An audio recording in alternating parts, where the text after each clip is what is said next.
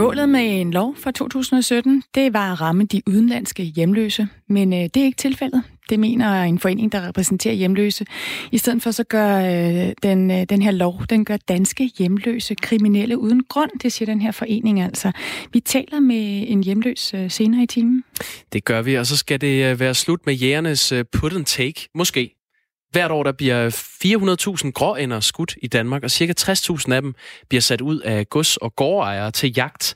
Og det vil øh, Dansk Ornitologisk Forening, altså Fugleforeningen, have stoppet. De mener, at de her gråænder, de skider søerne i stykker. Det er interessant. En fugleforening, der er imod udsættelse af fugle. Ja, jeg synes, det er en sjov historie. Ja, vi, i det hele taget tror jeg, vi går rigtigt. Der går fugle i den her til morgen. Vi vil gerne have noget med Skal fugle. vi løfte for, at vi arbejder på en historie, der Ja, det handler om, at, øh, at fugle taler med dialekt? Ja. Ja. ja, og vi har også en solsort med. Altså, det ved vi jo Der er solsort lyd senere. Ja. Og så skal vi jo tale om vejret. Det kan vi simpelthen ikke komme udenom. Jeg Nej. ved ikke, øh, hvordan din vej ind på arbejdet var her til morges, men det var godt nok uh, stormy weather at cykle i for mig. som de seneste mange uger regn siler ned. Det er Ja. forfærdeligt. Faktisk øh, blev Bilund ramt af, øh, af næsten en hel måneds regn på 24 timer i weekenden. Det øh, skal vi også tale videre om, det her vejr, som øh, jeg ved ikke, hvad det er, vi er i gang med. Om det er en stormflod, måske det er syndfloden. I don't know. De syv plager Ja. er over os. Øh, denne morgen hedder den øh, 17. februar, og Jakob Grosen og Stine Krohmann Dragsted er i studiet.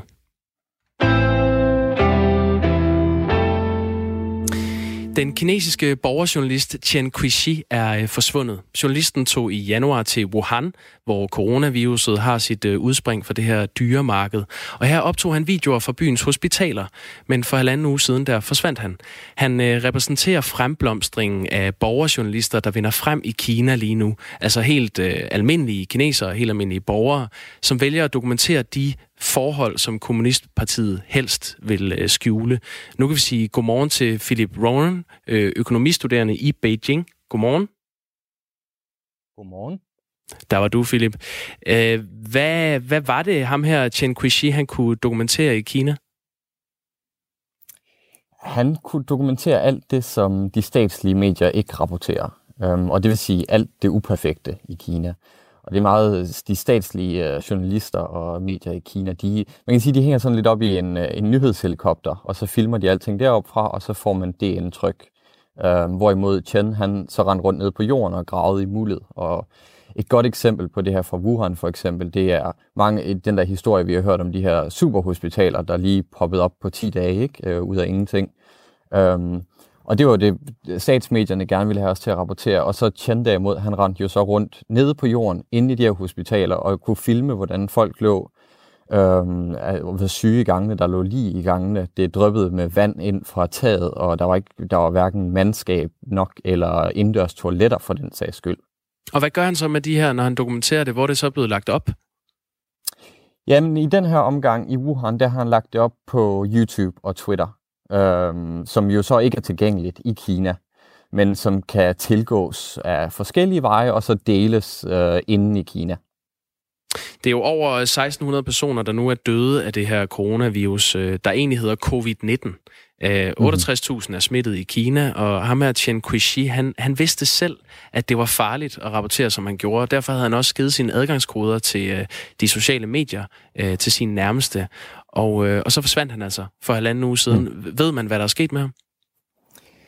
Vi ved, at han er lagt under tvungen karantæne, som det hedder meget newspeak-agtigt. Um, og det sker jo over, over hele Kina lige nu med borgere, der er blevet smittet. De rører i de her tvungne karantæner, hvor de bliver lukket ind i deres lejligheder for at vide, at de skal blive der. Um, og så, øh, men vi ved, vi ved reelt ikke, om han er smittet, og vi ved ikke, hvor han sidder i tvungen karantæne. Vi ved bare, at han ikke har adgang til, øh, til internettet. Og hvis man, skal, hvis man skal lære lidt fra historien omkring de her borgerjournalister og menneskerettighedsadvokater, så dukker de typisk op om et par måneder eller et års tid eller sådan noget, så man får at vide, at de har fået en dom på x antal år for statsundergravende virksomhed, eller for at skade den offentlige orden eller sådan noget. Philip Rowan, jeg skal lige forstå, altså, er han forsvundet, eller sidder han i en lejlighed i karantæne? er, de, er de gensidigt udelukkende? um, Ja, ja, vi ved det ikke. Vi ved det ikke. Altså, det, vi har fået at vide, at han sidder i karantæne, og det kan jo sagtens, men hvor, hvor han sidder i karantæne, det, det ved vi jo ikke, og hvorfor han sidder i karantæne, kan vi kun gisne om. Så det kan godt være, at han er i Wuhan, det kan være, at han er ude af Wuhan. Vi ved det ikke. Han øh, bliver betegnet som borgerjournalist. Hvor mange andre opererer på den her måde i, i Kina lige nu? Det, med, altså, det er svært at sige, hvor mange der opererer, fordi altså, de er jo borgerjournalister, så de er jo borgere først og journalister sekundært. Mm. Øhm, det, det man kan sige, det er, at øhm, ofte under de her nationale kriser, som der har været et par stykker af over de sidste to årtier. Ikke? Der var et, en togulykke i 2011, hvor der var en masse mennesker, der blev døde. Der var et jordskæld i Sichuan i 2008, hvor, hvor også øh, rigtig mange mennesker døde. Og så, så kommer der pludselig en reaktion fra civilsamfundet, hvor de her borgerjournalister de tager ud og dokumenterer det ned, altså ned på jorden, hvad det er, der egentlig foregår der, og mange af de uperfektheder, der eksisterer, hvor, fordi vi får jo typisk kun det, det, det pæne billede, at øh, partiet og, øh, og myndigheden, de gør alt, hvad de kan for at for, øh, forbedre den situation, der er medført af den her ulykke. Um, så det, det, vi har set i Wuhan, det er, at i hvert fald øh, øh Chen Qiushi her, og så også en, der hedder Fang Bing, har været meget, øh, meget, meget aktiv på jorden til at fortælle de her historier. For, altså, Chen Qiushi er jo så, er så forsvundet nu. Øh, Fang Bing, øh, som er en anden af de her øh, borgerjournalister, er også forsvundet. Og det er jo, han var, en, han var også en sjov karakter, fordi han var egentlig en, en mand, der levede af at lave, øh, klæde sig flot ud og lægge det på kinesisk internet, og så få en masse følgere på den måde. Så pludselig så blev han også øh, mere kritisk borgerjournalist, og nu er han også blevet lukket ned. Altså, hvad mener du med at klæde sig flot ud? Jamen, der er, sådan, der er jo, øh, kinesisk historie er jo øh, fyldt med, øh, med, øh, med, med øh, hvad skal man sige, meget spraglede klædedragter. Så der kan man jo, øh, der kan man jo klæde sig ud sådan noget, noget middelalderligt og under de forskellige dynastier osv., og, og så blive populær på den måde. Okay. Og hvorfor er det så, at de, at de tør, altså når det kinesiske styre på ingen måde accepterer det her, og nu ved vi ikke, hvad der er sket med, nu, nu kan vi godt høre, at du er bosiddende i, øh, i Kina, Phil Brown. Chen Trishi, siger du det sådan? Chen Trishi. Ja, at når du fortæller, at han lægger sin, øh, sin journalistik op på YouTube og andre kanaler, som, som kineserne ikke umiddelbart kan tilgå, hvem er det, de laver det her for? Det er stadigvæk kineserne. Altså, der er jo, der er jo flere hundrede millioner kinesisk talende uden for Kina, som jo på sin vis er interesseret i det her. Men der er også mange måder, hvordan det kommer tilbage ind i Kina. Altså, nu sad jeg lige og kiggede på Weibo her, inden vi gik på, for at se, hvor meget information der er om Chen Qiushi øh, på, øh, på kinesisk internet. Og det, noget meget sjovt, man ser, det er sådan noget med, at der er øh, skærmbilleder fra Twitter, som øh, er folk, der har kommenteret på det her, og så er det lagt ind på Weibo, men så over det, så er der lagt sådan et, øh, et orange hjerte, som gør, at det hele er lidt øh, svært at se. Og ideen med det er så, at de her bots, som, øh, som er på det kinesiske internet og sørger for at fjerne øh, alle mulige nøgleord, de kan ikke læse det, hvis der er lagt noget filter over osv. Så, så det, det er jo den måde, information spreder sig på. Man kan sige, at der er alle mulige kanaler, hvor det kan komme frem til folk i, øh, i Kina. Øh, de officielle er lukket, og de øh, mindre officielle bliver jo så i tiltagende grad også lukket. Og så er det jo bare ret vildt, at de, at de tør og trodse det kinesiske styre. Er det, en, er det ligesom en tendens, man ser, at det, det vinder mere frem lige nu? Typisk så vinder det frem under de her kriser, men ellers så har borgerjournalistik haft det rigtig skidt her de sidste, de sidste mange år. Det, øh, det var ret stort i nullerne, Øh, det, der er sådan en øh, mærkelig magtdynamik i Kina, hvor at øh, borgerne har ikke tillid til lokalpolitikerne, men de har stor tillid til centralpolitikerne. Så det, man typisk ser med de her borgerjournalister, det er, at de er ude og fortælle de meget, meget små historier. Og det kan være en, øh, en bonde, der har fået frarøvet sit land, eller et hus, der er blevet reddet ned uden de rigtige godkendelser. Og så fortæller de den historie, så publicerer de den, og så håber de lidt, at, øh, at folk i Beijing, altså centralmagten, vil komme ind og intervenere, og så sige til de her lokalpolitikere, I skal opføre jer ordentligt. Men øh, under, under Xi Jinpings præsidentskab her, så, øh, så har de, magten er blevet enormt centraliseret, og der har været en stor antikorruptionskampagne, som har haft til mål at få fjernet alle de her korrupte embedsmænd på lokal niveau. Og det har så betydet, at øh, man tolererer ikke samme kritik selv mod de lokale embedsfolk mere, som man gjorde tidligere. Tak for den øh, udlægning, øh, Philip Brown. Selv tak. Økonomistuderende i Beijing. Det kan godt være, at vi hiver fat i dig, når der er nyt om uh, Chen Treasure. ja, så kan vi øve os på navnet i mellemtiden. Ja, tak. Jakob, øh, hvordan, hvordan er det, når du øh, møder folk øh, på gaden her i Danmark, øh, som du ikke kender? Hilser du på dem? Mm, nej, Nej, det gør jeg ikke. Nej, hvis du går ind i en bus, sætter dig ned ved siden af en, så...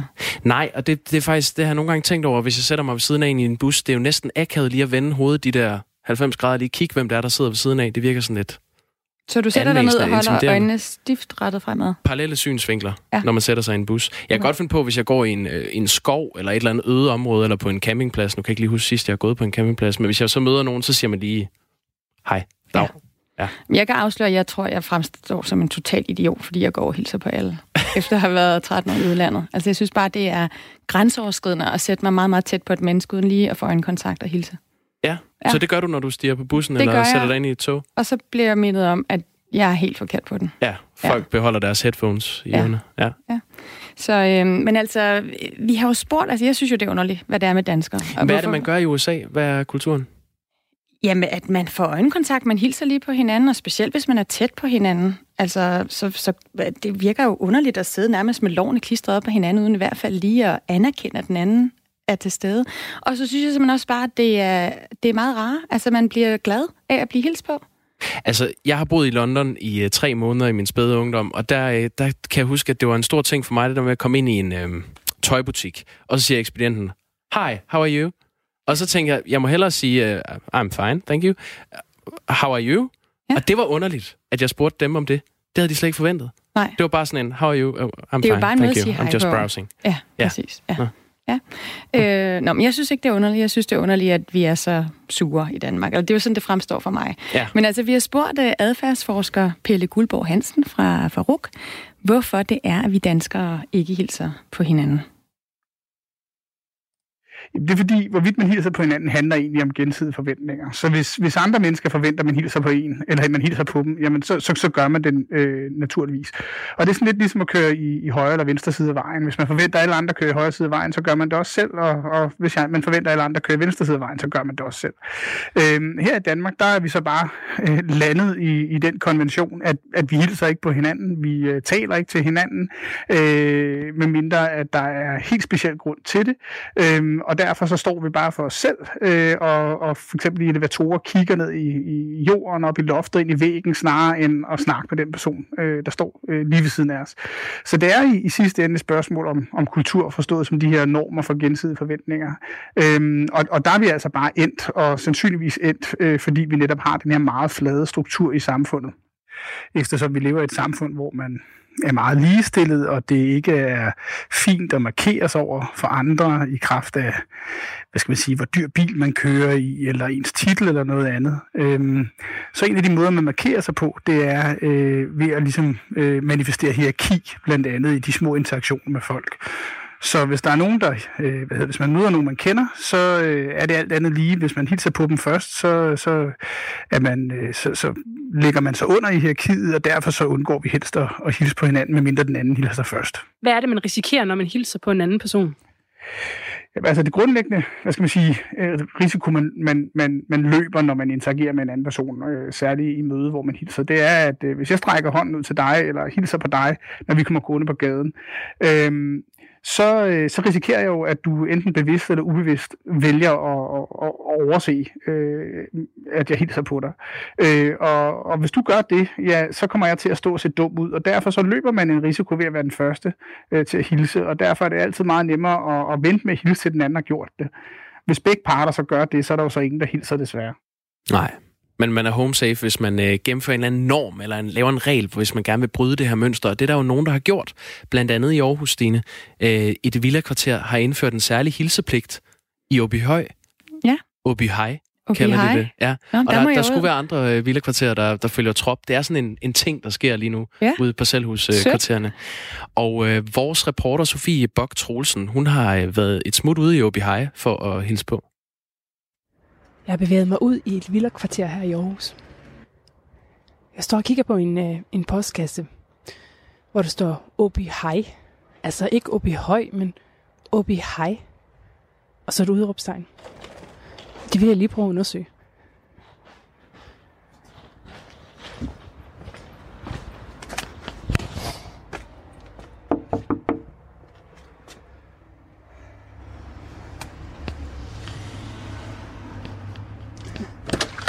Hej. er det dig, Jens? Ja, det er så. Ja.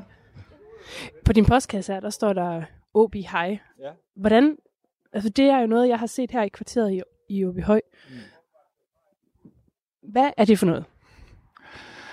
Jamen, OB High, det er jo bare øh, en indstilling til, til, til livet, kan man sige. Altså det der med at, det behøver ikke, altså vi bor sådan ret et ret lille om, eller sådan meget tæt kvarter hernede i Åbyhøj, og det minder om sådan en lille landsby. Så vi havde bare en anden idé om, at hvis det var, at man vidste, hvem hinanden var, hvis man begyndte at hilse lidt mere på hinanden, så, så, så ville det også øh, sådan, så ville det være sky the limit, du ved, man kan finde ud af, hvad hinanden laver, og sådan, uanset hvad du skal have, hvad du har brug for i din hverdag, så kan du ligesom finde det der, hvor du bor, fordi du ved, hvem hinanden er, og du hilser på hinanden, og, sådan. og det giver også en tryghed, hvis man har børn i området, at, at, at man hilser på hinanden. Øhm, nu tror jeg faktisk, jeg vil gå en tur rundt i kvarteret for at hilse på folk. Det skal du gøre.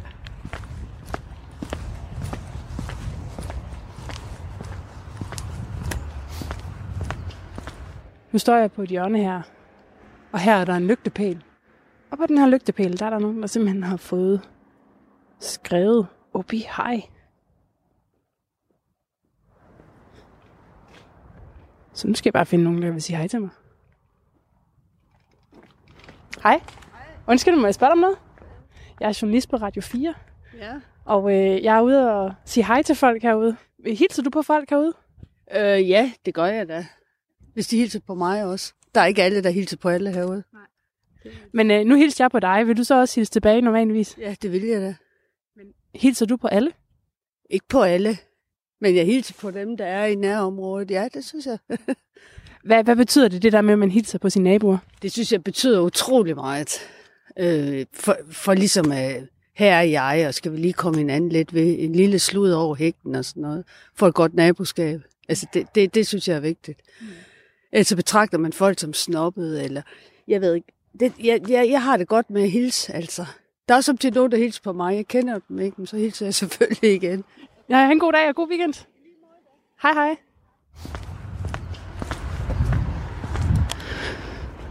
Hej. Åh, oh, der fik jeg ikke noget svar. Hej. Hej. Må jeg spørge om noget? Ja. Jeg er journalist på Radio 4. Ja.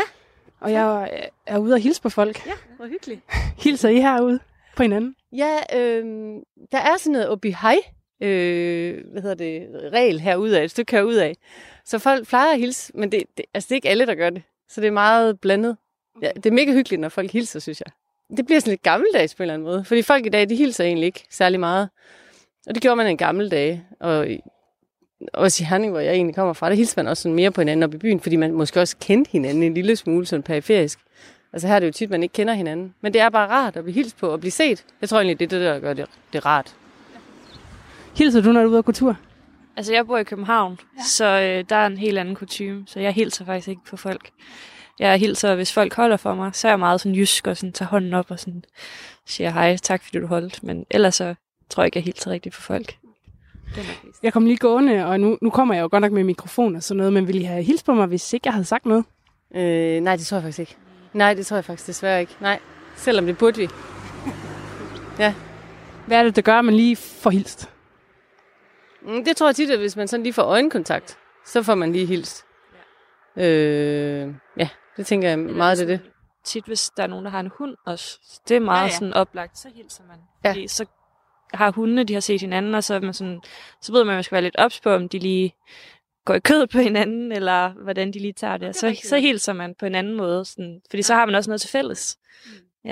Eller i det hele taget, hvis man kommer med en hund, så, så får man også ofte flere henvendelser fra folk, end hvis man kommer uden hund. Jeg troede faktisk, du ville spørge om, hvad for en race han var. Men nu spurgte jeg, om, øh, om I hilste, ja. og det gør I. Kan I have en god dag? Oplever du, at folk de hilser mere efter, I har indført OB High? Ja, ja, absolut. Jeg synes, øh, det er virkelig... Jeg synes, det, det virker vildt godt. Altså, også øh, dem, der ikke sådan hilser normalt, så, så synes jeg også, det, at man giver dem sådan... Og hilser, og nogen, der er sådan, man ved, der er sådan lidt sure, dem siger man også lige op i high til, sådan, fordi at, for at drille dem lidt. Sådan, at, det er svært at blive sur på det, synes jeg. Altså, sådan designet i det. Hvis man har en, øh, en dag, hvor man bare ikke lige orker naboen, eller at sige hej og sådan noget, er- er der også rum til det herude? Absolut, absolut. Det er helt sikkert. Altså, det, er, det, det er ikke sådan, at man bare skal være sådan jubelglad altid, men, men bare sådan nogle gange, altså kan man også, altså det kan også godt nogle gange, hvis man har den der, den der nedturstemning, at man så nogle gange får det lidt bedre af at se, okay, der er en eller anden, der hilser på dig, du ved.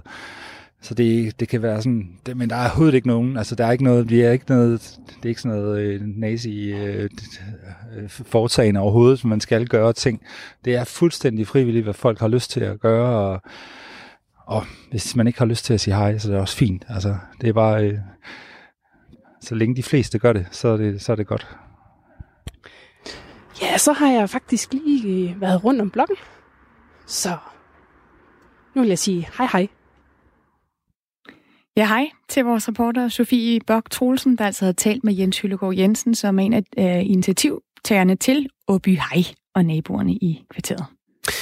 Christian Rasmussen har skrevet ind på 1424. Øh, Herude hilser vi på alle. Det er den bedste tyverisikring. I 20 knægte vil hilses på. Ja. Så er der også en, der skriver for Blokhus. Selvfølgelig hilser vi på hinanden. Hilsen Hune. Dem vi kender og dem, der bor her, hvis vi kender hinanden bare lidt. Turister hilser vi ikke på. Nå, okay. Altså, spørgsmålet er, om det er en just ting, det der med at sige hej. Ja, det kan altså... også godt være, at det er sådan noget københavneri, det der med, at vi tror, man ikke hilser på hinanden. Eller her i Aarhus synes jeg heller ikke, man hilser så meget. Nej, men det gør man heller ikke. Man kan heller ikke lave andet, hvis man går ned ad gaden. Og hvad så? Du, du prøv lige at prøve det. Du bliver smadret glad. Jeg går ud og bliver glad eller ud senere i dag. Hvert år bliver 400.000 gråænder skudt i Danmark. Cirka 60.000 bliver sat ud af gods- og gårdejere til jagt, og det vil Dansk Ornitologisk Forening, altså Danmarks Fugleforening, have stoppet. Nu kan vi sige godmorgen til Egon Østergaard, formand for Dansk Ornitologisk Forening, og så sidder du i Vildforvaltningsrådet. Godmorgen, Egon Østergaard. Ja, godmorgen.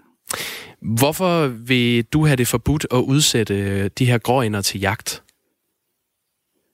Jamen, vi synes sådan grundlæggende, at man skal drive jagt på de naturlige bestande. Og øh, der er en meget stor bestand af gråænder, både i Danmark, men også i landene nord for os. Så øh, der er masser af naturlige og vilde fugle at skyde på, så der er slet ikke nogen grund til at, at sætte gråænder ud til jagtformål. Men hvorfor er det et problem? Ja, men altså man har tidligere, det er så Aarhus Universitet, har undersøgt, at øh, de her ender, som man sætter ud, øh, de skal have noget at spise, så man fodrer dem massivt. Og øh, når man sætter rigtig mange ud, så, øh, så skider de jo, for at sige det rent ud, mm. øh, i de her øh, vandhuller og søer, man sætter dem ud i. Og, og det har man så undersøgt og fundet ud af, at det, det gør altså, at næringsstofindholdet i i søer, hvor man sætter ender ud, er, er væsentligt større, næsten dobbelt så stor som i naturlige søer, hvor der ikke udsættes ender. Der flyver mere end, end 4 millioner, faktisk 4,5 millioner gråænder øh, gennem Danmark hver vinter. Øh, når der flyver så mange gråænder igennem Danmark, øh, hvilken betydning har det så, at man udsætter 60.000 ekstra til jagt? Ja, men altså, man kan jo have den principielle holdning, at man skal drive jagt på, på naturlige bestande, og det er så det, vi har Øhm, så derfor er der ikke nogen grund til at belaste søerne med, med udsatte ender.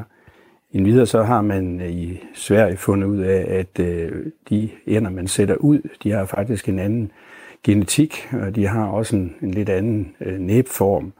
Og det vil sige, at man altså sætter nogle, nogle individer ud, som altså har en anden en anden fysiologi og genetik end, end de naturlige bestande, og det er en anden form for faunaforurening. Så, så da der er masser af dem i forvejen derude naturligt, så ser vi slet ikke nogen grund til at, øh, at løbe den her risiko. Man kan bruge et gammelt journalistisk trick og så spørge, hvilken negativ konsekvens har det, at man sætter nogle øh, gråænder ud, der har en, en lidt anden type næb?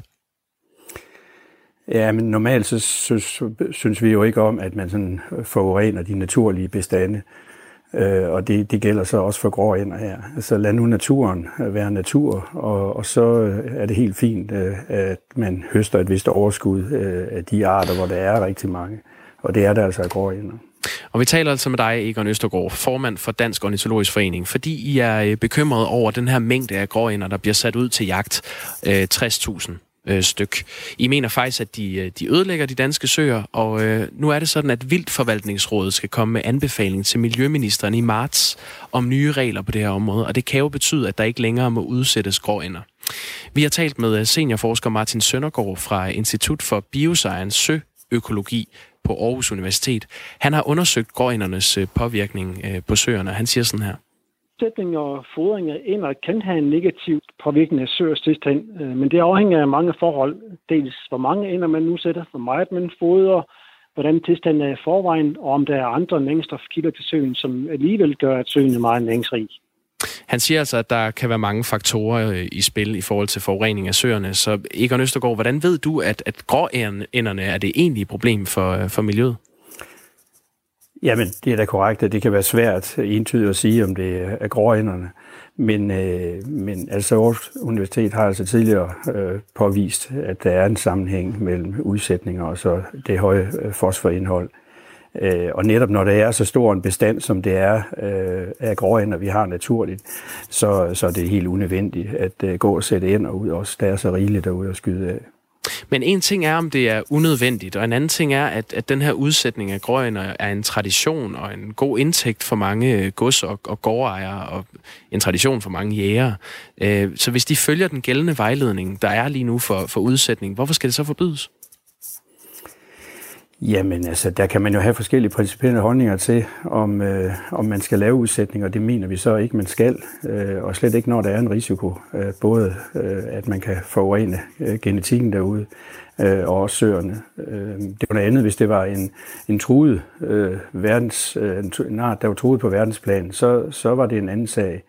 Men, øh, men der vil være masser af ind at skyde på, og de her øh, vandhuller, som mange jæger øh, graver, Øh, det har jeg stor respekt for. Øh, det vil bare kunne tiltrække de naturlige grå ender. Og det må alt andet lige øh, være bedre, end at øh, man pumper en masse grå ender ud, og så skyder dem med det samme, at de har fået flyveevnen. Så jægerne, de må plaffe de der 4,5 millioner øh, gråænder, der flyver gennem Danmark hver vinter i stedet for? Ja, der er rigeligt, der er rigeligt tag af, og, og der bliver altså skudt over 400.000 gråænder i Danmark hvert år. Øh, så øh, så det, det, må være, det må være nok. Tak fordi du var med her, Egon Østergaard, formand for Dansk Ornitologisk Forening. Og vi kan jo lige sige, at sms'en er åben, hvis du, øh, hvis du for eksempel er jæger, øh, og du har en eller anden, øh, noget at sige om det her med at jage ender. Ja. Øh, så vil vi gerne høre fra dig. Ja, du grønner. Jeg har aldrig jagt, jagtet en grøn. Har du nogensinde skudt? Ja, det har jeg. Lærduer eller rigtige dyr? Nej, kun skudt mod mål over i USA, du ved. Åh, oh, nej. Ja, Don't det er get us started. Nej. Okay. Men øh, ja, nej, jeg har fanget en vaskebjørn i en skraldespand. Det er så langt, vi er kommet. okay, den historie, den lader vi lige hænge. Øh, senere på morgen, der får vi besøg af Claus Lind Christensen fra, øh, fra Danmarks Jægerforbund på den her historie. Han er øh, ikke overraskende øh, ret skeptisk over for et forbud. Han mener ikke, at det er et problem, der bliver udsat øh, i den danske natur. Man kan også sige 60.000 grønner mod 4,5 millioner i forvejen. Ja, Ja, og så hvis, øh, som vi lige fik at vide, der faktisk bliver skudt 400.000, så er det jo altså ikke kun de 60.000, der bliver skudt, så der må være nogen at tage af. Men øh, de spørgsmål stiller vi videre. Vi skal bare lige huske at sige, at sms'en er selvfølgelig 1424. Skriv R4, og så din besked. Nu står Dagmar Iben Østergaard klar med nyheder.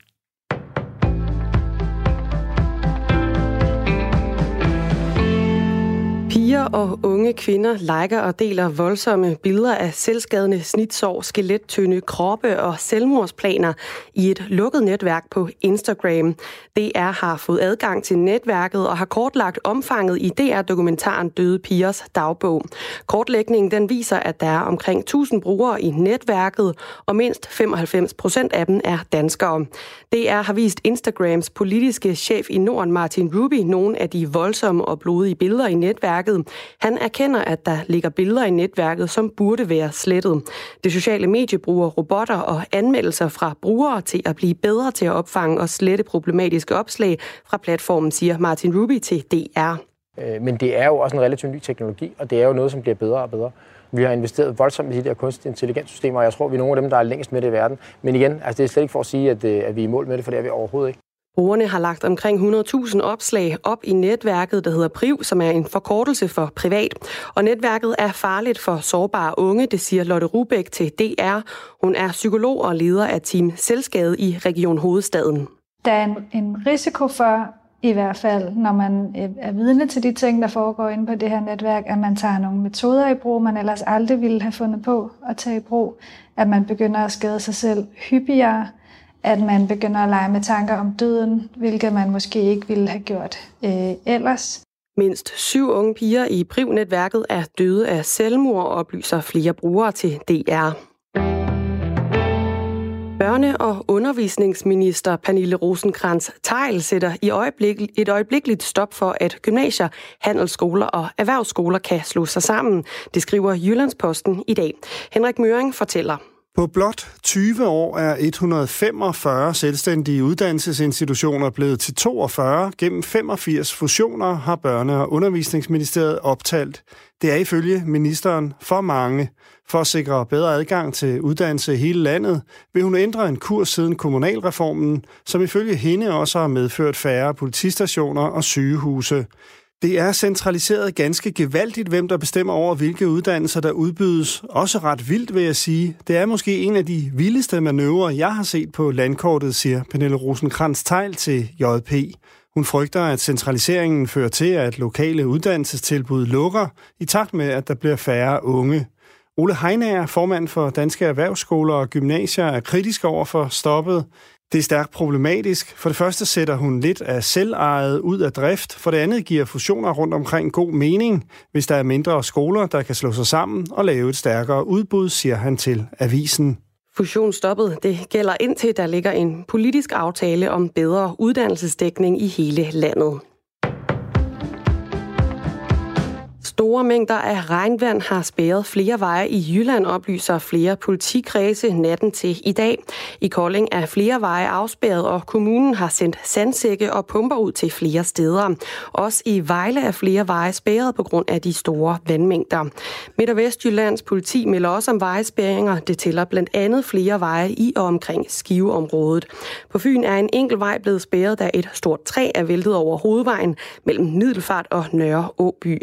DMI har søndag og mandag en varsling ude om forhøjet vandstande flere steder i landet.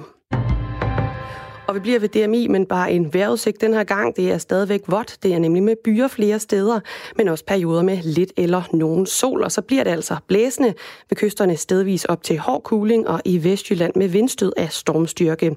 Temperaturerne de lander mellem 5 og 8 graders varme.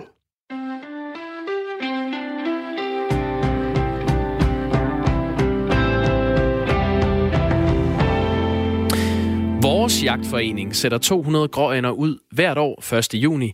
De må skydes fra 1. september, og der er de i den grad flyveklar. Der, øh, det kræver desuden en del øh, naturpleje at holde på sine ender. Hvis de ikke bryder sig om stedet, flyver de bare til en anden sø. Med venlig hilsen, Jakob Fransen fra Solbjerg.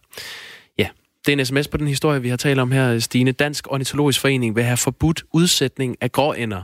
Øh, der bliver sat, øh, der bliver skudt 60.000. Der bliver skudt 400.000. 400.000. Og der, der bliver bliver sat 60 ud.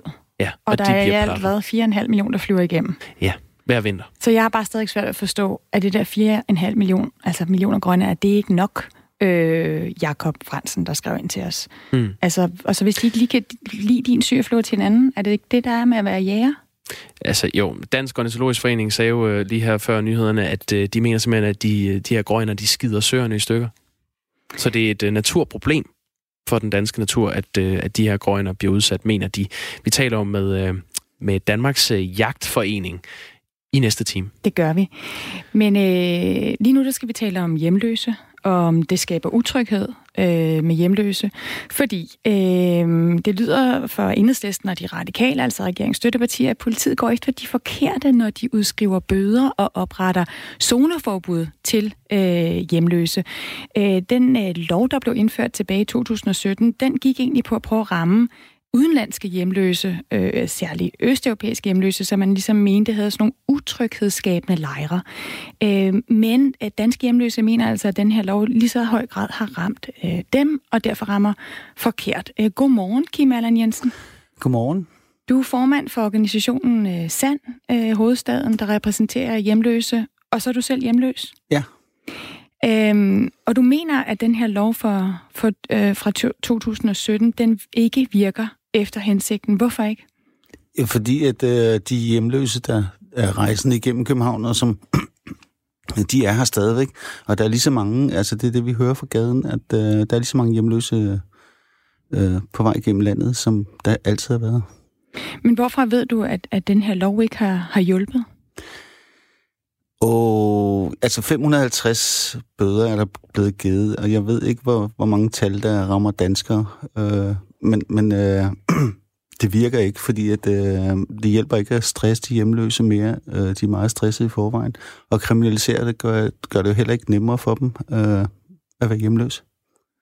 Så øh, hvad skal, altså de udenlandske rejsende, de er der stadig væk, siger du, men de bliver simpelthen bare ikke ramt af den her, altså politiet går ligesom ikke efter dem, eller kan de ikke finde dem, eller hvorfor ja, bliver de ja, ikke ramt? Ja, jeg tror, de er blevet bedre til at gemme sig. Altså det, det som vi hører fra gaden, det er, at de er der stadigvæk, og når man kigger ned under Nørrebro station, hvor de står og sælger deres 20 sager, så de er der stadigvæk. Altså der er lige så mange. De mm. gemmer sig bedre bare. Vi kan jo lige sige, at øh, som du også siger, det er alt 550 bøder, der er blevet uddelt siden øh, 2017, med den her lov altså trådte i kraft, og det er altså tal fra Rigspolitiet, der viser det ifølge Danmarks Radio. Øh, det var et politisk flertal bestående af den daværende øh, Blak-regering, altså Dansk Folkeparti og Socialdemokratiet, der i april i 2017 besluttede, at politiet altså skulle slå ned på de her hjemløse lejre i det offentlige rum. Øhm, og det skulle man så gøre ved, at øh, man skulle altså, straffe de her lejre med bøde. Øhm, og i 2018, der udvidede man så med et zoneforbud, så en hjemløs nu kan bortvises fra en kommune, hvis vedkommende har såret i en såkaldt lejr. Og den her lov, den skulle altså så ramme de store grupper af tilrejsende østeuropæere. Det er så det, du mener, den, den ikke har gjort. Øhm, når du nu ja. fortæller, at de gemmer sig, øh, de her øh, udenlandske hjemløse, har loven så ikke virket øh, efter hensigten? Mm, nej, jeg synes ikke, fordi de, de netop fordi de gemmer sig, men også at, at det, er en, det er en målgruppe, som egentlig er lidt ligeglad med, om de får bøder, øh, om, om de bliver sat i fængsel. Øh, det arbejde, de kan lave i fængslet, det kan de stadigvæk sende penge hjem til, de, til deres familier. Så det, det virker ikke på de udenlandske hjemløse. Kim Allan Jensen, øh, du, nu fik vi selv øh, præsenteret, at, at, at du er selv hjemløs. Er du bekymret for at, at få en bøde selv, hvis du sover på gaden? Og jeg vil sige det sådan, at øh, det er jo egentlig ikke politiet, som, øh, som, som fanger os, øh, når vi sover på gaden. Det er, det er her for Danmark, der ringer til politiet og siger, at der er vist en lejr der, og så er politiet nødt til at tage ud. Ja, men er du bange for, at det sker? Øh, nej, øh, det er jeg ikke. Altså, jeg, jeg sover i en lille campingvogn, som jeg flytter rundt med, men jeg bliver også jagtet lidt af politiet, men, men ja, de kender mit nummer, så ringer de til mig. Øh, Kim, kan du ikke lige flytte din vogn? Så, altså, så det, du siger, er, at det her det er sådan et cirkus i virkeligheden, hvor at cirkus, danskerne ja. ringer ind, og så flytter I lidt rundt? Ja, det er det. Øhm, altså, ifølge Danmarks Radio, så vil regeringen nu overveje i hvert fald at ændre reglerne, måske for eksempel sløjfe det her zoneforbud. Altså det her med, at hvis man har overtrådt det her med at lave lejr, så kan man blive forbudt helt at opholde sig for eksempel bestemte steder i København. I stedet for så vil regeringen give øh, politiet mulighed for at give en advarsel til den hjemløse, hvis, øh, hvis man overtræder det her zoneforbud. Hvad synes du om det? Det er det samme. Altså, om du får en advarsel, eller om, om så næste gang får du en bøde, øh, det er det samme. Øh, jeg synes bare, de skal fjerne loven helt. Kim Allan Jensen, kan du ikke forstå, at det kan virke øh, utrygt øh, for andre mennesker, når du som hjemløs ligger og sover øh, på gaden? Jo, det kan jeg godt forstå, men, men øh, jeg vil sige det som, politiet havde værktøj til at fjerne de der utryghedsskabende lejre i forvejen, så øh, at de så har strammet loven op, øh, det, det har bare gjort, at vi bliver mere stressede og kriminaliseret. Og hvem er det, den lov så går, går ud over, som du synes er, at det er forkert, at, at man bliver straffet? Jamen, jeg synes, det går ud over alle. Altså, det går også ud over de danske hjemløse, men de, de udenlandske hjemløse har jo også brug for et eller andet at overleve på en eller anden måde. Og da, da vi ikke hjælper dem, så deres eneste måde at gøre det på, det er ved at stjæle, og det øh, i stedet for, at man kunne have taget dem ind. Øh, mange af dem har egentlig lov til at være fordi de er EU-borgere. Så hvad er dit bud øh, til, til både regeringen, til de støttepartier, der nu vil ændre den her lov? Hvad er det? Lav plads til de hjemløse, i stedet for at jagte dem rundt på de få pladser, der er. Den, øh, det budskab vil vi tage videre. Vi skal senere på morgen tale med øh, Jeppe Bros fra Socialdemokratiet om øh, netop den her lov, om den rammer rigtigt. Tak fordi du var med, Kim Allan Jensen. Selv som altså er formand for organisationen Sand Hovedstaden, der repræsenterer øh, hjemløse og som selv er hjemløs. Og med det blev klokken 16 minutter i syv. Kalenderen viser stadig februar, Stine, men på trods af det, så kan det være, at du måske har hørt uh, den her lille fætter.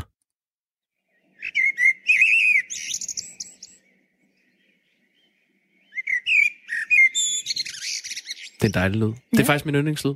Det er det. Mm. Det er en solsort. Det er en solsort. Det er en ægte forårsbebuder. Der sad en meget, meget stedig solsort ude i min altan i går i altså blæst og stiv cooling, nærmest storm, regn. Den sad bare kvidere og prøvede at piske en stemning op. Ja, hvordan synes du, den lød? Jamen, jeg synes altid, den lyder godt, men jeg synes, det var lidt øh, overmodigt at sidde der og, og blaffe. Der er jo det specielt ved solsorten, at de faktisk på at kopiere øh, det, det sted, de er, altså med deres sang. Så jeg tænker lidt om det sådan, om den prøvede at og ligesom efterligne blæse og Hun prøvede at lave et, øh, nu ja. bor vi jo i Aarhus, som lavede et, et blødt J. Ja. Ja, nej, det gjorde den ikke. Nå. Men det er jo en historie, vi prøver at se, om vi kan løfte i løbet af morgenen. Det her med, at fugle, de, øh, de synger med dialekt. Det er en lidt øh, skør historie, som Christi Dagblad har i dag. Nå, men det er ikke det, vi skal tale om nu. Vi har jo ikke haft en klassisk vinter med sne og frost. Vi har haft øh, regn og plusgrader, og så øh, er der alligevel mange forårstegn i, naturen meget tidligere end normalt. Og det skal vi tale med, med dig om, Jes Ågaard. Godmorgen. Godmorgen. Naturvejleder i Naturstyrelsen. Øh, hvad er det for nogle tegn, du ser på, at, foråret er lidt for tidligt på den? Altså, et af dem, som er meget tydeligt, det var den, du nævnte nu her. Det var jo nogle af vores, kan man sige, fugle er startet forholdsvis tidligt, og det er ikke kun solsorten, som bliver glad låget af. Det er også lærken, som hænger ud over engene nu her, og han, han prøver på at etablere sig i territoriet. Og det er altså også forholdsvis tidligt. Og det er fordi, at det er omstændighederne er, så milde og rare, så man kan sådan set godt komme i gang med ynglesæsonen allerede nu her. Så derfor så, så begynder de allerede nu at pippe efter, at der kunne være en fru lærke eller fru solsort i nærheden, der kunne være interessant. Mm. Og ud, ud det, så tror jeg, at alle også har oplevet, at det er blevet mere grønt i bunden. Hvis man går en tur i skoven, så kan man allerede se, at det pipler op mellem øh, tæerne og brin.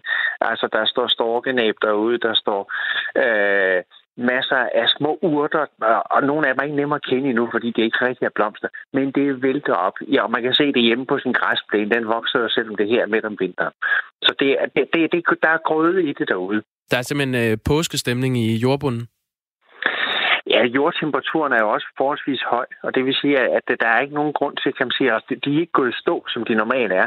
De mangler ikke vand, og det, i særdeleshed mangler de ikke vand. Det er noget af det, som man ikke kan få, når det er frost.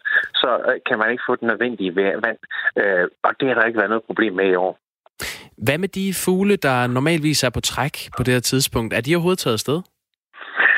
Altså, det er jo så lidt det, at der er nogen, der bliver sat lidt bagud her, fordi at øh, svalen, der er fløjet 7.000 km ned til Afrika, den ved jo ikke, at det er godt vejr i Danmark. Så det hvis det er sådan, det her det bliver ved, så vil det være sådan, så, så vil der komme noget i det tryk for, at så vil svalen komme tidligere. Men det vil tage enormt lang tid, fordi at det er de svaler, der så kommer nogle dage før de andre, som får lidt bedre ynglebetingelser, får lidt flere unger på vingerne, og på den måde, så vil man flytte lige så stille trækmønster et andet sted hen. Fordi sådan har naturen altid evne at tilpasse sig, at når der sker forandringer nogle steder, ja, så tilpasser man sig. Det, der i virkeligheden er vores store problem i dag, det er, at, at hvad skal vi sige, forandringerne sker så voldsomt hurtigt, så den, altså, naturen kan ikke følge med, og det giver selvfølgelig noget bagslag nogle andre steder. Jes Aargaard, naturvejleder. Nu, nu fortalte jeg før om den her solsort, der sidder og pisker en stemning op ude ved min altan, og jeg synes også lidt, du gør det nu. Jeg, har også, jeg er blevet informeret om, du har set sommerfugle i år. Lige før man får indtryk ja. af, at det, der er sommerstemning. Men du skal huske, sometimes it snows in April. Ikke? Der er Ja, stadig mulighed for, at vi kan få en periode med frost. Hvad sker der så? Ja. Altså, hvis frosten kommer sent i marts eller april? Jamen så får de et ordentligt rap over noget, og så er der faktisk nogle andre, der vil dø. Og det er jo i virkeligheden prisen, det kender du selv, det der, dem der stikker næsen frem lidt hurtigere end de andre, ja, de risikerer også at få et rap over snuden.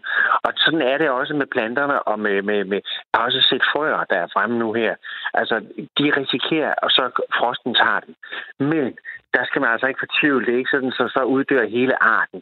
Det vil være nogle individer, og det er de friske, de hurtige, dem som udnytter muligheden nu, som så i virkeligheden får knaldet. Mens at dem, der sådan er stået lidt senere ud af sengen og er lidt mere dogne, og i virkeligheden sørger for, at vi gør det først, når det er allerbedst, at de vil så overleve og sørge for, at arten den nok skal, skal viderebringe sig selv. Hvis den øh, nu øh, fortsætter fremover, kommer vi så øh, til at få andre dyre- og plantearter at se i den danske natur? Ja, det vil vi gøre. Altså, hvis det her det er, kan man sige, et trend, som, som fortsætter, at vi får den der generelle milde vinter, så vil vi se nogle af vores øh, flagermusarter vil rykke nordpå, øh, nogle af vores insektarter, også nogle af plantearterne, som ikke kan tåle frost, ja, de vil lige så stille rykke nordpå.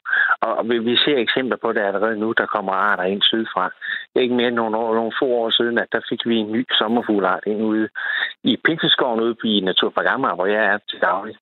Der øh, dukker en op, der hedder Ilia, som er en usædvanlig smuk lille sommerfugl, som kommer sådan ned fra det centrale europæiske område. Og det er jo, øh, den er meget almindelig dernede, og den har altså fundet ud af, at i Danmark, ja, der er der faktisk også meget lækkert, og der er det mad, den skal spise, og det vil sige, at den etablerer sig som med, med en population der.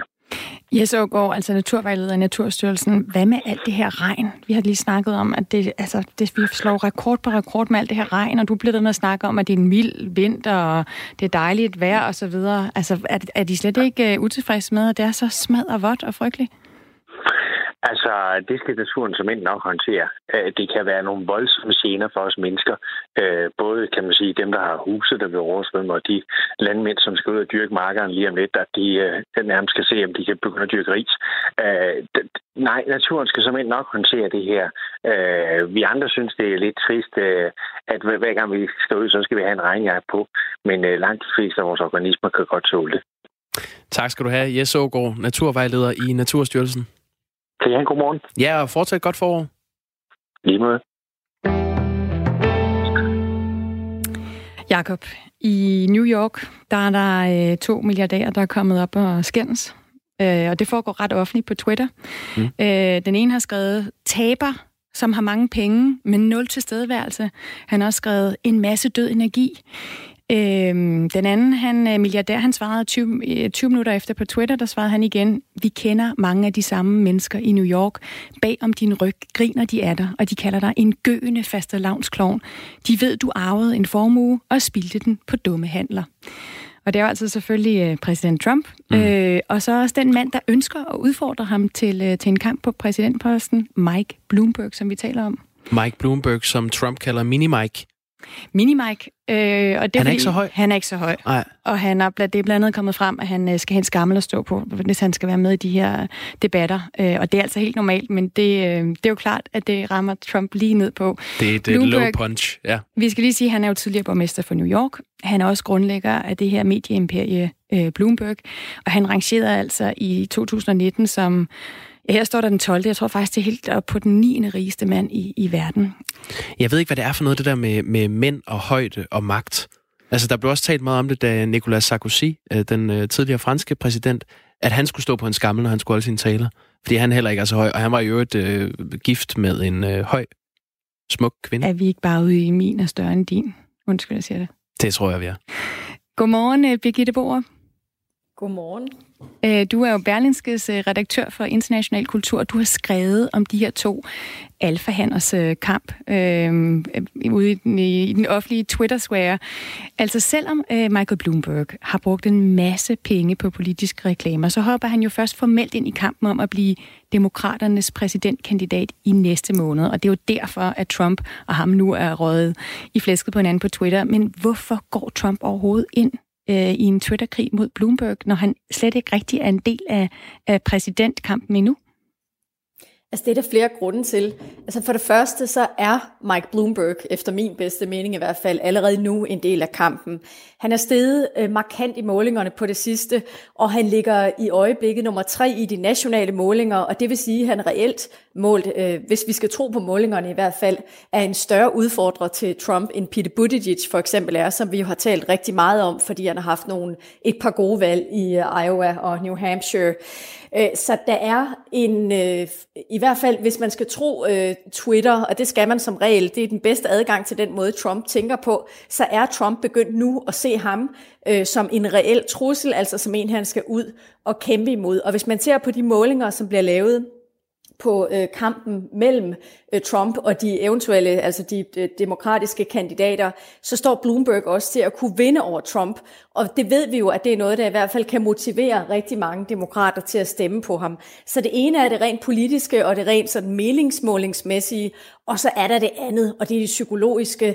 Det er den kamp, der foregår sådan på det indre plan. Der er ingen tvivl om, at øh, Donald Trump på mange måder føler sig provokeret af Bloomberg, som repræsenterer øh, meget af det, som øh, Trump måske egentlig selv har ønsket sig i sit liv. De er jo begge to milliardærer, de er begge to fra New York. En gang var de faktisk gode venner, eller i hvert fald gode bekendte, og samarbejdede om en række ting, dengang Trump var ejendomsmatador og øh, Bloomberg var borgmester i New York. Men i modsætning til Trump, så er Michael Bloomberg blevet establishment. Han er blevet anerkendt af rigmandseliten, er blevet filantrop, øh, og er, har jo også haft en, en succesrig politisk karriere som borgmester i New York. Så der er noget omkring det der elitære, som trigger Trump, og det er det, han reagerer på. Og hvad, altså, er det i virkeligheden også noget, der kan passe Trump meget godt at, at gå op imod sådan en som Mike Bloomberg? Jeg tænker mig på, øh, nu har vi lige haft øh, valgene der i Iowa og New Hampshire, de første primærvalg blandt demokraterne, og der så vi jo så øh, på venstrefløjen så vi en stærk Bernie Sanders øh, komme ud. Og så så vi, som du også selv nævner det, på den moderate fløj, så blev det lidt overraskende, den her kun 38-årige Pete Buttigieg, som jo bare er en tidlig borgmester fra den lille by i Midtvesten. Mm. Altså, hvad har Bloomberg at, at byde på i det her felt, som, som kan tro Trump? For det første, så har han øh, 60 milliarder dollars, sådan cirka, i ryggen, og man skal ikke undervurdere, hvor meget det kan gøre øh, i en valgkamp. Han har ingen problemer i forhold til at skulle ud og skaffe funding, altså ud og skulle skaffe penge til at føre valgkamp på, ligesom vi i øjeblikket ser, at Joe Biden har det. Han har meget svært ved at rejse midler øh, til at fortsætte sin valgkamp. Øh, så det er den ene ting. Altså det, at han er rigere end Trump, det øh, tror jeg for det første har noget at sige. Og så tror jeg også, at øh, altså for Trump, så er der jo nogle forskellige øh, ønskescenarier. Øh, og der tror jeg dybest set, at øh, en alfahan, øh, som jo lige nu ligner mere og mere den ene mulighed, og en socialist er den anden mulighed. Jeg tror på sin vis, begge ting vil passe Trump relativt godt, fordi hvis der er noget, han er dygtig til, så er det at gå i krig. Og jeg tror faktisk, at jo mere tydelig en modstander øh, han kan øh, komme ud og slås med. Altså en, der jo mere øh, vedkommende repræsenterer et eller andet øh, maskulint og sådan øh, krigerisk, jo bedre tror jeg, det vil passe ham. Og Trump siger jo selv, at han hellere vil møde Michael Bloomberg i en øh, infight, end han vil møde øh, Bernie Sanders, som øh, øh, tyder på at blive, eller som lige nu i hvert fald er den anden favorit. Så jeg tror sådan set, at, øh, at det vil passe Trump udmærket at skulle ud og, og kæmpe mod Øh, en repræsentant for den elite, som hele hans præsidentskab jo dybest set handler om at bekæmpe. Og så kan man jo sige, om, om, om det er en klog idé af Mike Bloomberg at gå med i den her mudderkamp. Ikke? Altså, da Hillary Clinton i sin tid stillede op mod, mod Donald Trump tilbage i 2016, det føles jo simpelthen som et helt årti siden nu allerede. Men øh, der var jeg til konventet øh, i Philadelphia, og der blev Michelle Obama jo hyldet for at holde en meget rørende tale, hvor hun blandt andet gav det her råd, when they go low, we go high. Altså, mm. når de går lavt, så går vi højt. Øh, når Trump fornærmer dig, så skal du ikke synke til hans niveau. Men Birgitte Borup, det er jo lige præcis det, som Bloomberg gør. Altså han kaster sig lige ind i den her ring med Trump og kaster mudder i hovedet på ham igen. Hvad siger de demokratiske vælgere til det? Jamen, jeg vil sige, at Michelle Obamas ord er jo øh, på alle mulige måder øh, smukke og idealistiske, men problemet er bare, at det ikke har virket. Øh, demokraterne har jo forsøgt alle de gængse veje. De har sågar forsøgt via det, det største demokratiske øh, kort, du overhovedet kan træffe, næst, trække, nemlig en, en rigsretssag, og få væltet Trump. Og han er urørlig, altså han har fået bygget sådan et lag af teflon omkring sig selv, øh, hvor, der ikke, hvor alting praller af. Så dybest set tror jeg, at det for mange demokrater øh, er tiltalende, at her er en, en, øh, en mand, der går i, i direkte ind på Trumps egen banehalvdel og udstiller Trump, som det jo mange, op, og mange jo opfatter ham som, øh, og særligt selvfølgelig i New York, hvor Bloomberg er fra, men jeg tror sådan set også i, i andre dele af landet. Altså, hvis der er noget, demokraterne jo er langt om længere ved at lære, så er det, at øh, Trump metoder og den måde, Trump øh, er blevet skabt på som politisk fænomen, øh, lader sig ikke bekæmpe af, af de metoder, der galt for 10 år siden. Man er nødt til at prøve noget andet, og det er jo sådan set det, kan man sige, Bloomberg øh, gør. Birgitte Borup, øh, Berlingskes redaktør for international kultur. Vi taler om øh, Mike Bloomberg, øh, den her superrige forretningsmand fra New York, endnu en af dem, kan man sige, som altså mener, at han skal være USA's præsident og har meldt sig ret sent i, i det her opløb. Selvom han har været republikaner, så stiller han op som demokrat og ønsker altså at slå den her tidligere bekendte ven, Donald Trump. Han har brugt over 400 millioner dollars på sin præsidentkampagne de sidste par måneder, og til sammenligning har Bernie Sanders altså brugt 40 millioner dollars cirka. Øhm, jeg faldt over en ting på, øh, på Instagram. Der er sådan nogle memes-sider, som har øh, helt ufattelig mange øh, følgere, over øh, flere millioner følgere. Der er en, der hedder blandt andet Fuck Jerry, øh, som har lavet et meme med Mike Bloomberg, som er sponsoreret af Mike Bloomberg selv. Mm. Han har altså brugt øh, kampagnepenge på at lave sådan nogle kampagner, der skal ramme de unge. Altså, hvad, er han den, den cool kandidat, som han prøver at give udtryk for? Nej, det mener jeg ret beset ikke, han er. Men det han gør, er jo, at han forsøger at omsætte den svulmende formue, han har til så effektiv markedsføring som muligt. Og grunden til, at han gik ind i valgkampen i efteråret, som jo var meget sent, det var jo blandt andet, fordi han havde siddet og kigget på Joe Biden, som gik ind i valgkampen et halvt år før i foråret, fik en gigantisk medvind, øh, et stort momentum, og som lige så stille øslede det hele væk ved at gå rundt og være meget, meget gammelmandsagtig. Og det tror jeg simpelthen, Bloomberg har lært noget af. Han har siddet og kigget på, hvad gør han? Øh, eller hvad har han gjort, som har været forkert?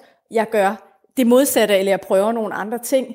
Øh, og så er øh, Mike Bloomberg meget datadrevet. Altså han er en fyr, der altid har brugt statistikker, data, beregninger øh, i sine øh, projekter, og det er jeg meget sikker på, at han også har gjort her. Jeg tror simpelthen, at han har fået øh, lavet en form for marketingstrategi, som dækker så store grupper som overhovedet muligt, øh, med det store ocean af penge, han nu har til at fyre af. Og øh, de her, øh, den her kampagne på social media, det er selvfølgelig netop for at få ham ud i det segment, som ellers har været domineret af Bernie Sanders, der i øjeblikket sidder tungt på de unge vælgere hos demokraterne, til trods for, at han jo er lige så gammel som Bloomberg. De er begge to 78 år. Birgitte Borup, øh, det blev ordene øh, om de her to alfahandlers kamp indtil videre, altså Berlingskes redaktør for international øh, kultur. Tak fordi du kunne være med. Selv tak. Nu er klokken blevet syv, og Dagmar Eben Østergaard står klar med nyhederne.